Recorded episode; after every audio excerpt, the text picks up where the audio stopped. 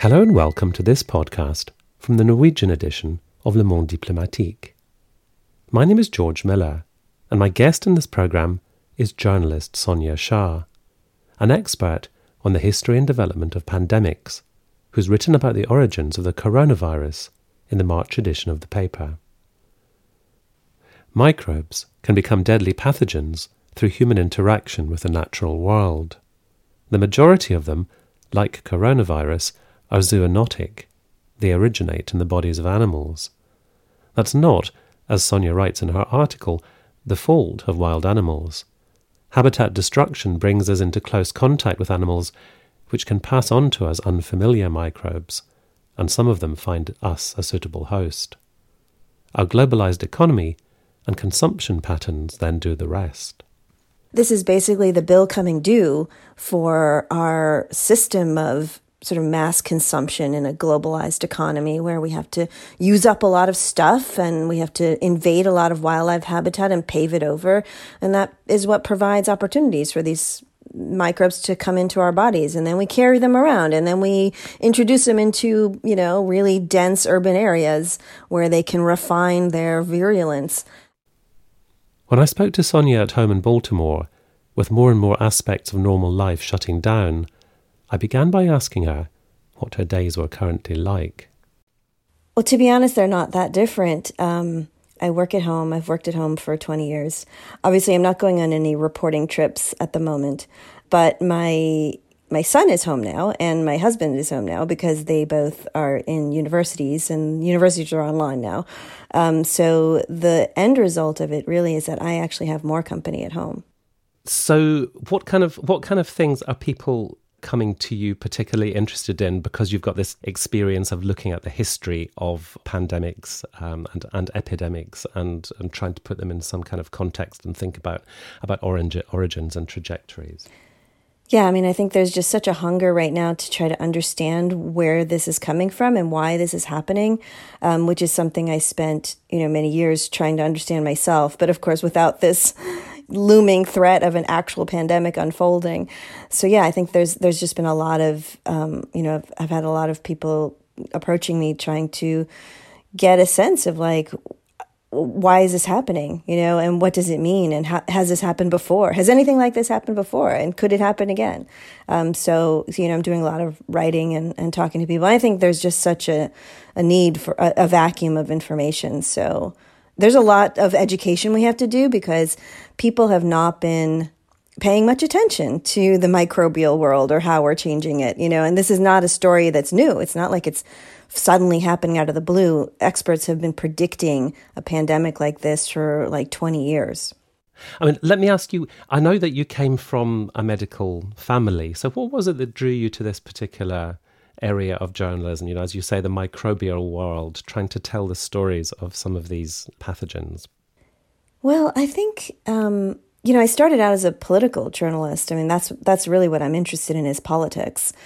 And the sort of underlying theme that has always interested interested me the most is just this issue of inequality, you know, the lopsidedness of the world. Um, some people have health, some people don't, some people have wealth, some people don't, and, you know, within societies, across societies. And, and that kind of grew out of my personal experience being the daughter of Indian immigrants and kind of going back and forth to India and the US when I was really young. And looking at health and microbes just became a really interesting way to expose our relationships with each other. You know, so it's sort of like a way to look at the politics of how we distribute resources and power and how we interact with each other. Um, because of course, microbes, uh, that's what they do is they, they, they take advantage of those pathways between us that we build. Do the stories of those microbes becoming pathogens and then perhaps turning into epidemics, do do they follow certain patterns when you come to reconstruct their stories, or are they, you know, are they like unhappy families? They've all got their own very particular um, histories and trajectories. I think both. I mean, so what I tried to do in the in my last book, Pandemic, was I wanted to understand how a microbe turns into a pandemic causing pathogen because of course microbes you know we have microbes all around us all the time and most of them are neutral or, or even beneficial for us. It's only this certain you know a few rogues gallery of microbes that become pathogenic to us and even fewer that become pandemic causing pathogens. So i wanted to know how does a microbe turn into that? You know what is sort of the backstory? And so i focused on cholera because cholera is one of the most successful pandemic causing pathogens. It's caused like seven pandemics since it first emerged. Um, and what I found in tracking the story of cholera and then relating that to how other pathogens had caused pandemics is that they all kind of follow a certain trajectory. You know, these things are multifactorial. So, you know, this it's not just one driver. Almost all of these pathogens start out in the environment in some way, whether it's in the bodies of animals or in the case of cholera, I mean, technically, it is in the body of an animal, a planktonic animal called copepods in the water. Um, we don't think of those as animals because they're not, you know, furry and, and warm blooded, but they are animals also. Um, and they, they start in the environment and are harmless usually to us in that, you know, in their natural habitat. But then we kind of disrupt that environment in some way and we create these pathways for microbes in the environment to adapt to the human body. And often what happens is then they become pathogenic. Um, and then, you know, so, so that kind of environmental disruption is always plays a role in the origins of these pandemic causing pathogens. But it's not just that, but the, you know, you also then have to have transmission opportunities. So, you know, people have to behave in ways that allow the pathogen to move from one person to the next because, of course, these are little microscopic creatures that have no independent locomotion, we have to carry them to each other. Um, so they have to exploit our social relations in some way. You know, for something like um, uh, a respiratory, you know, a respiratory pathogen like this new coronavirus, of course, that's pretty easy. Like that's a really easy way to spread between people.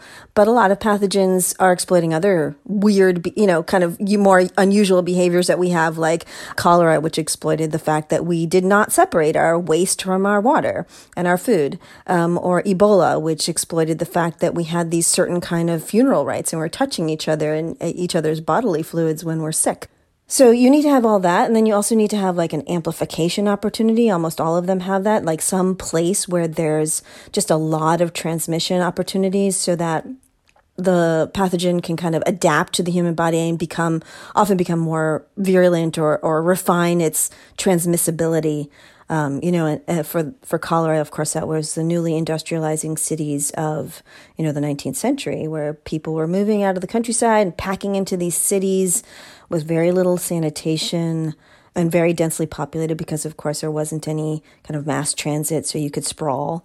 You know, we're doing that again with, uh, say, all of our influenza viruses, which are being incubated in uh, factory farms. Um, you know, where that we have these these places where we have hundreds of thousands of individuals very closely packed together viruses can drop into there they may not be that virulent when they drop you know when they are introduced into a factory farm but once they start transmitting faster and faster and faster, viruses, every time they replicate, they mutate and they change. And so, you know, you have this. Um, this factory of uh, of amplification, um, and that's happening in urban centers today. That's what happened in you know West Africa with the Ebola outbreak in 2014, for example. You know, I think we will see what the amplification opportunities uh, that the novel coronavirus exploited. I mean, it seems clear that you know, obviously, being in you know, com- emerging in parts of China where you know people are densely packed together, or in you know, in, in certain kinds of um, trade activities that they're participating in, and then we're seeing here in the U.S. You know, we're having outbreaks in in our cities, Seattle, New York City, etc. So you said, Sonia, that experts have been warning of a pandemic like this for a good 20 years now.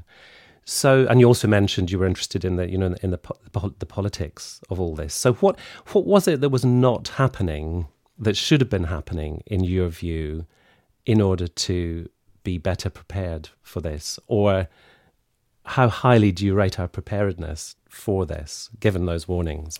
I mean, in the end, all of these things that I kind of outlined as the drivers of pandemics, you know, environmental disruption, urbanization, our rapid transit, these are fundamental to the global economy. I mean, that's right. So that that's what sort of our whole economic system is based on. Those three things are fundamental to it. So, you know, I don't know that the politics was ever there for anyone to say, look, you know, we are we are ratcheting up the risk of these pathogens emerging and causing pandemics by doing our business this way. I mean, we we also were doing that with climate change.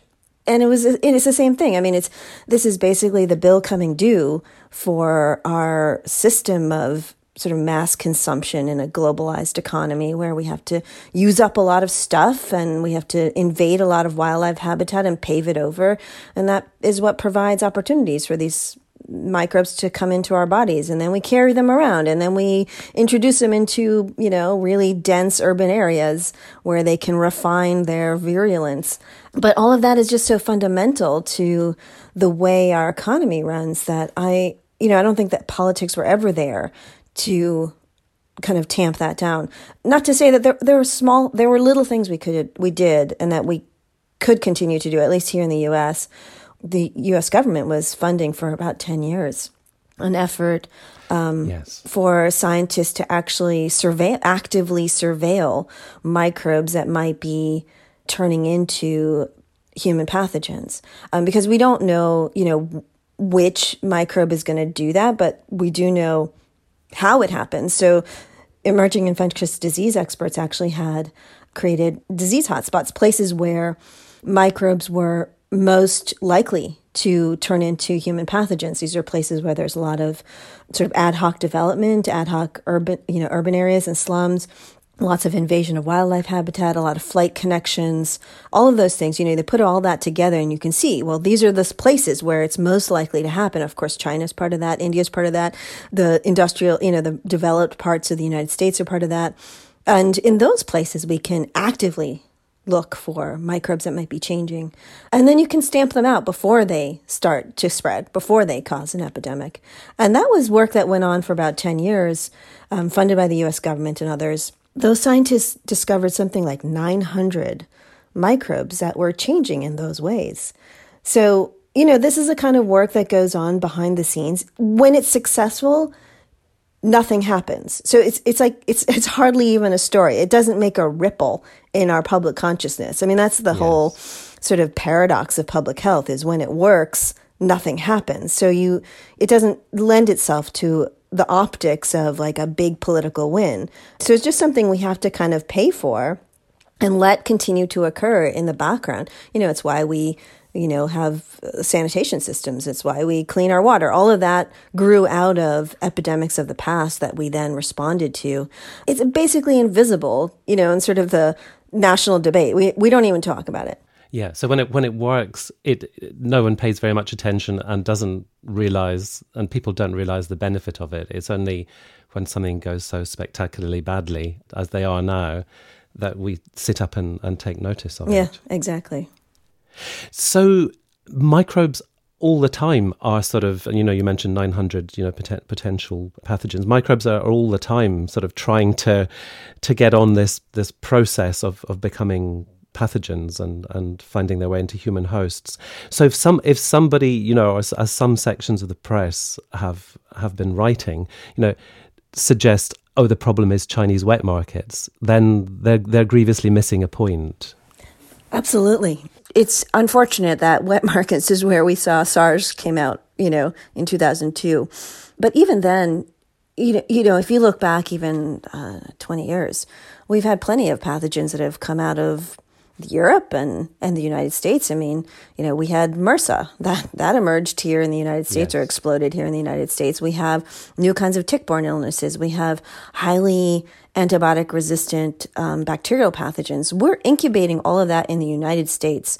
And Europe, Europe similarly has incubated its own pathogens too. We just don't we don't think of them as these sort of invasive germs from somewhere else in these exotic, you know, foreign practices that are encroaching upon us because these are our germs, right? So they're just, you know, problems that we deal with at home and um, we'll come up with a drug or a vaccine. And, and so the whole narrative about our homegrown pathogens is just totally different than the ones that emerge from some other place you've talked about this sort of encroachment, this human encroachment on the natural world, and it can take the form of of deforestation and suburbanization and intensive farming, and and also you mentioned the the, the impact of climate change um, on pathogens. I noticed from reading some of your writing in preparation for this, Sonia, you, you often use the word squelch. You use the word to, you talk about squelching the emergence of these pathogens. So I wondered, a arrayed against all these these things that humans are doing to the natural world, where can we look for the ability to squelch? How, how, how, can we, how can, you know, and because you've talked about it, you know, the, the whole way of life of the planet is kind of geared in a certain way. There are certain economic drivers. So where, where can that squelch impetus come from? you know, I'm, I'm hopeful that at least some sector of the generations that are being traumatized by this pandemic will understand that it's our sort of outsized appetites for natural resources and our endless expansion into wildlife habitat and destruction of, of wildlife habitat is really what's putting us at risk. You know, not just of pandemics, but also of climate disasters. I mean, these are, you know, these are kind of the you know the bills coming due and i think you know i mean we we understood this with um, say environmental impacts a long time ago right like if you wanted to build a mine you know, once we realize like, well, those things are very environmentally disruption disruptive and it, you know, it's bad for the water and there's all these problems. And so let's think about that before we actually say, yes, go ahead and develop that mine. So we do these environmental impact analyses, you know, that's, that's regulated yeah. by the government. And we, you know, so we, we think about that. So we could extend that model. What if we thought about that for like, what is the climate risk? What is the pandemic risk? The contagion risk? You know, all of that is embedded in development. There's models of how we could, if we wanted to, if we had the political will to actually incorporate thinking about these other broader risks to uh, risks to our societies and our ways of life from our development models, we could incorporate it. You know, there's many ways. But from your study of previous pandemics, do you see that humanity has a very strong impulse to revert to business as usual and life as as before following these crises? Or do you sometimes see that positives have resulted in terms of human actions and behavior and practices? I mean we always change. So definitely lots of changes happen because pathogens are like hugely influential in shaping how we live our lives. But do we change in ways that help prevent them from plaguing us? Not necessarily, not in any direct way. I mean, for example, you know, cholera in New York City, they had epidemics of cholera for 80 years.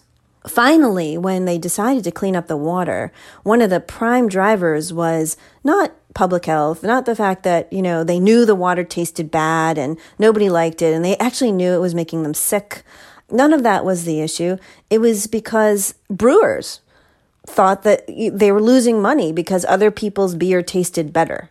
So they wanted to clean up the water supply so that they could sell more beer. And that was a really influential driver in New York City cleaning up its water supply. And then, of course, magically, oh, cholera disappeared too we're talking in the um, the third week of, of March, and more and more societies are closing more and more things down, and, and normal life is is grinding to a halt. Do you see how this goes from here, from your knowledge and from all your, your reading and studying and talking to, to experts? Can you see, you know, what people refer to sometimes as the exit strategy? Can you see the way in which things develop from here, which puts the, the best outcomes for humanity on it? Well, this will collapse eventually, right? So we're not going to be in epidemic mode all the time because, of course, you know, these pathogens are only able to affect this huge toll at the beginning when we have no immunity. I mean, our immune systems are really powerful and hugely just so sophisticated and so diverse. It's one of the most diverse parts of our, you know, genomes is our, our, our immune genes. So we've been doing this a long time. The problem is getting to that point of immunity is costly. So, you know, there's going to be a big sacrifice. And the way we're doing it now is we're kind of doing a trade off sacrifice of, well, not so many lives all at once, but we'll sacrifice some of our economy instead and kind of try to even it out, you know, so it's not just a lot of deaths all at once, but we kind of, you know, scale that out and hope that maybe a vaccine will come on board eventually um, so that we don't have to pay the full price in blood. But, you know, it is costly to get to that point. I mean, you see that in societies that have an endemic pathogens um, like malaria, for example.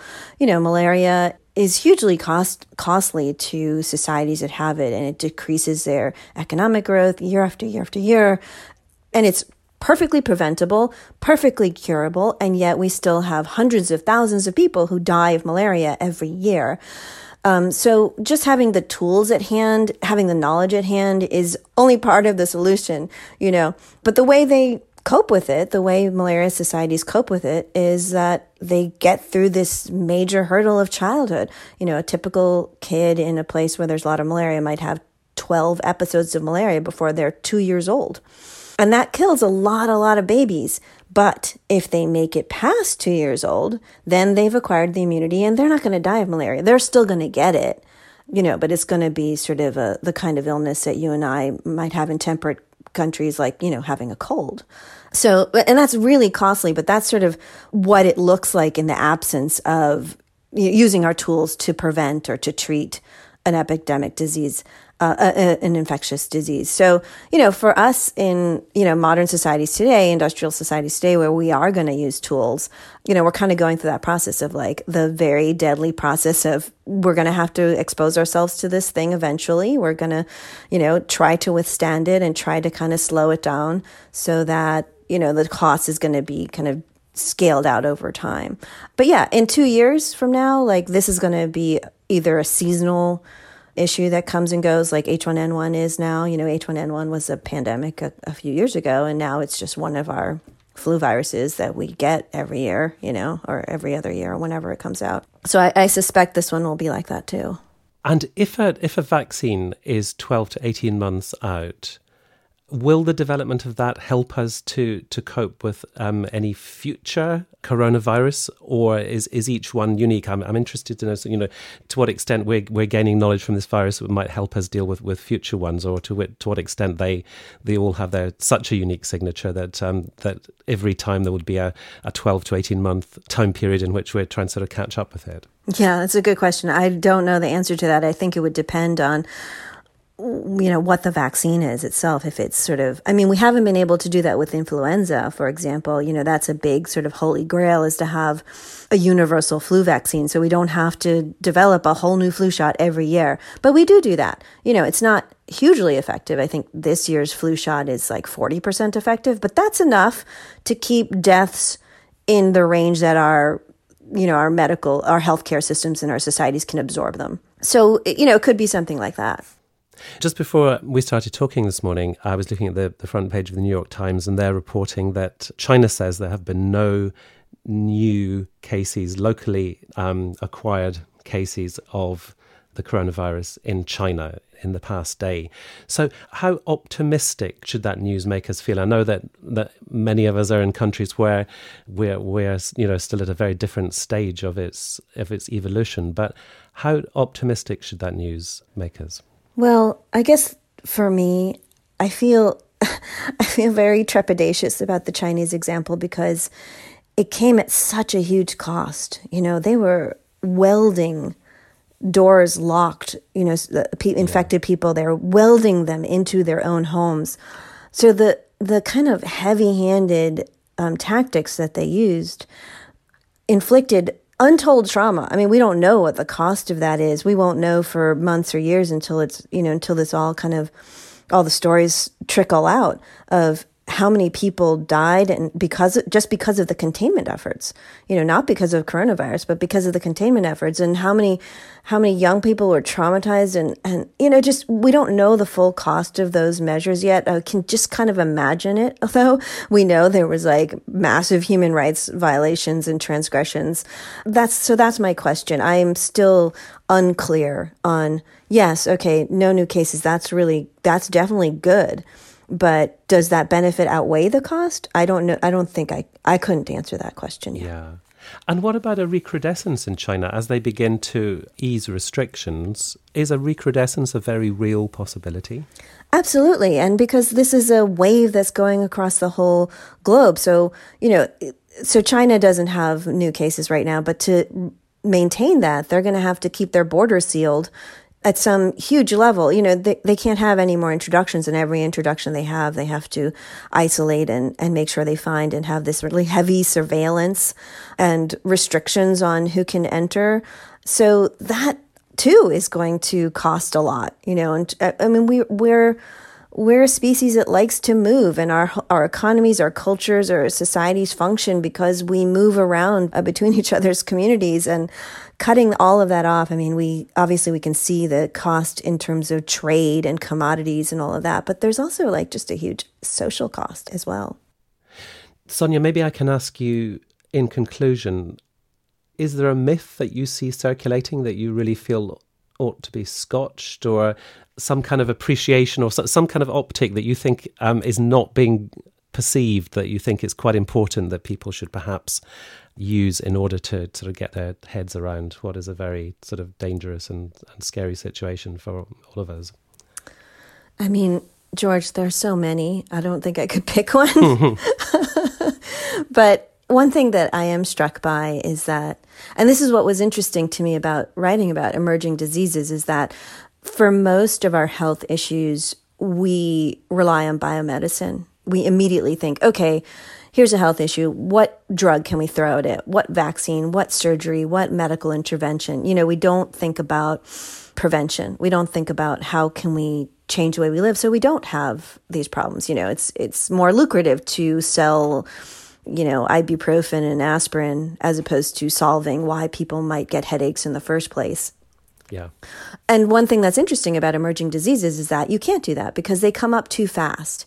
They emerge too quickly. And by the time you get the new drug or the new vaccine, like that first epidemic wave has already crashed. So the only thing that works is collective action. You know, we have to change our behaviors. We have to be innovative in, and resourceful in understanding what those behaviors are. And then we have to agree amongst ourselves that, okay, we're going to stop doing that so to me that's very hopeful. I think that that strengthens us as a peoples you know that it shows the the the importance of solidarity and collective action and working together and not relying on you know well a, co- a commodity a corporate product which would be you know a drug or a vaccine.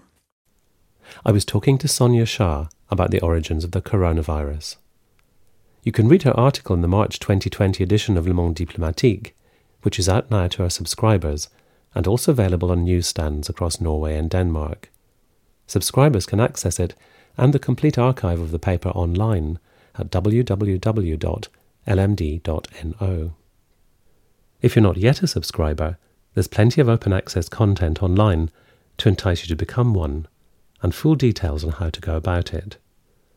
In the words of the late John Berger, why LMD? To make sense of what's happening in the world, behind the misinformation.